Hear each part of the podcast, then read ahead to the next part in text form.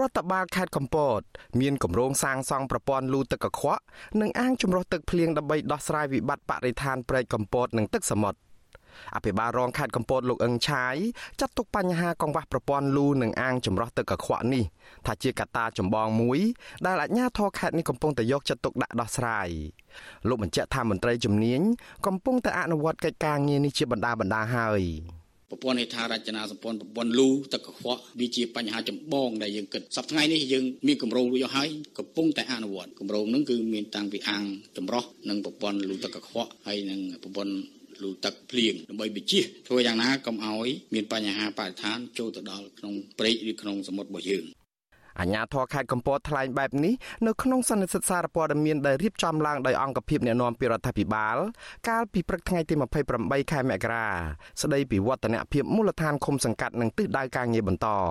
រដ្ឋបាលខេត្តកំពតបានបង្ហោះសារតាមទំព័រ Facebook របស់ខ្លួន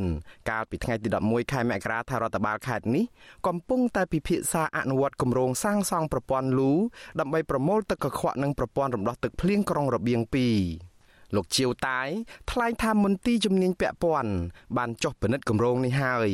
ដែលជាជំនួយរបស់ធនាគារអភិវឌ្ឍអាស៊ីឬហៅកាត់ថា ADB លោកណែនាំមន្ត្រីជំនាញនិងធនាគារអភិវឌ្ឍអាស៊ីត្រូវតែសហការគ្នាដោះស្រាយបញ្ហាទឹកកខ្វក់សម្រាមបរិស្ថាននិងស្ដារប្រព័ន្ធលូទឹករំដោះទឹកភ្លៀងនៅរដូវវស្សា ជំវិញការលើកឡើងរបស់អាជ្ញាធរខេត្តនេះស្ថាបនិកចលនាមេដាធម្មជាតិលោក Alejandro Gonzalez Davidson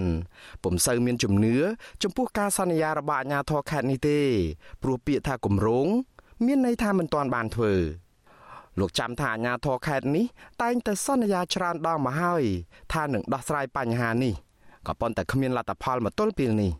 គាត់តែពាក្យគម្រោងគម្រោងអញ្ចឹងគឺទី1មិនទាន់មានដំណោះស្រាយជាក់លាក់គាត់តែអាជ្ញាធរខេត្តកំពតនឹងដែលជាអាជ្ញាធរដែលនិយាយត្រឡប់ត្រលិននិយាយបាក់ដៃក្នុងដៃរយៈពេលប្រហែលឆ្នាំកន្លងមកហ្នឹងគឺបានសន្យាប៉ុន្តែតែសន្យាហ្នឹងសន្យាខ្យល់ឬក៏យ៉ាងម៉េចអាហ្នឹងចាំយើងយើងនឹងតាមដានទាំងអស់គ្នា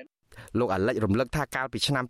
2014អាជ្ញាធរខេត្តដដែលនេះសន្យាថានឹងមានគម្រោងសាងសង់អាងចម្រោះទឹកស្អុយមួយចំនួនតាមមាត់ព្រែកដោយចំណាយថវិកាប្រមាណ3សែនដុល្លារ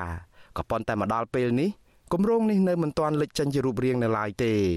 ស្ថានីយ៍ប្រព្រឹត្តកម្មស្ថានីយ៍ចម្រាញ់ទឹកលូហ្នឹងគឺមិនមែនលុយរបស់រដ្ឋាភិបាលមិនមែនលុយរបស់អាជ្ញាធរខេត្តកំពតទេវាមកពី ADB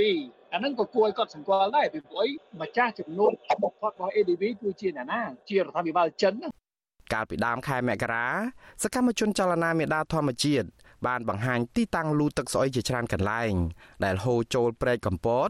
ដែលសកម្មជនបរិស្ថានសង្ស័យថាបណ្ដាលឲ្យប៉ះពាល់ដល់គុណភាពទឹកសមុទ្រជះក្លិនស្អុយនិងសភនភាពបរិស្ថាន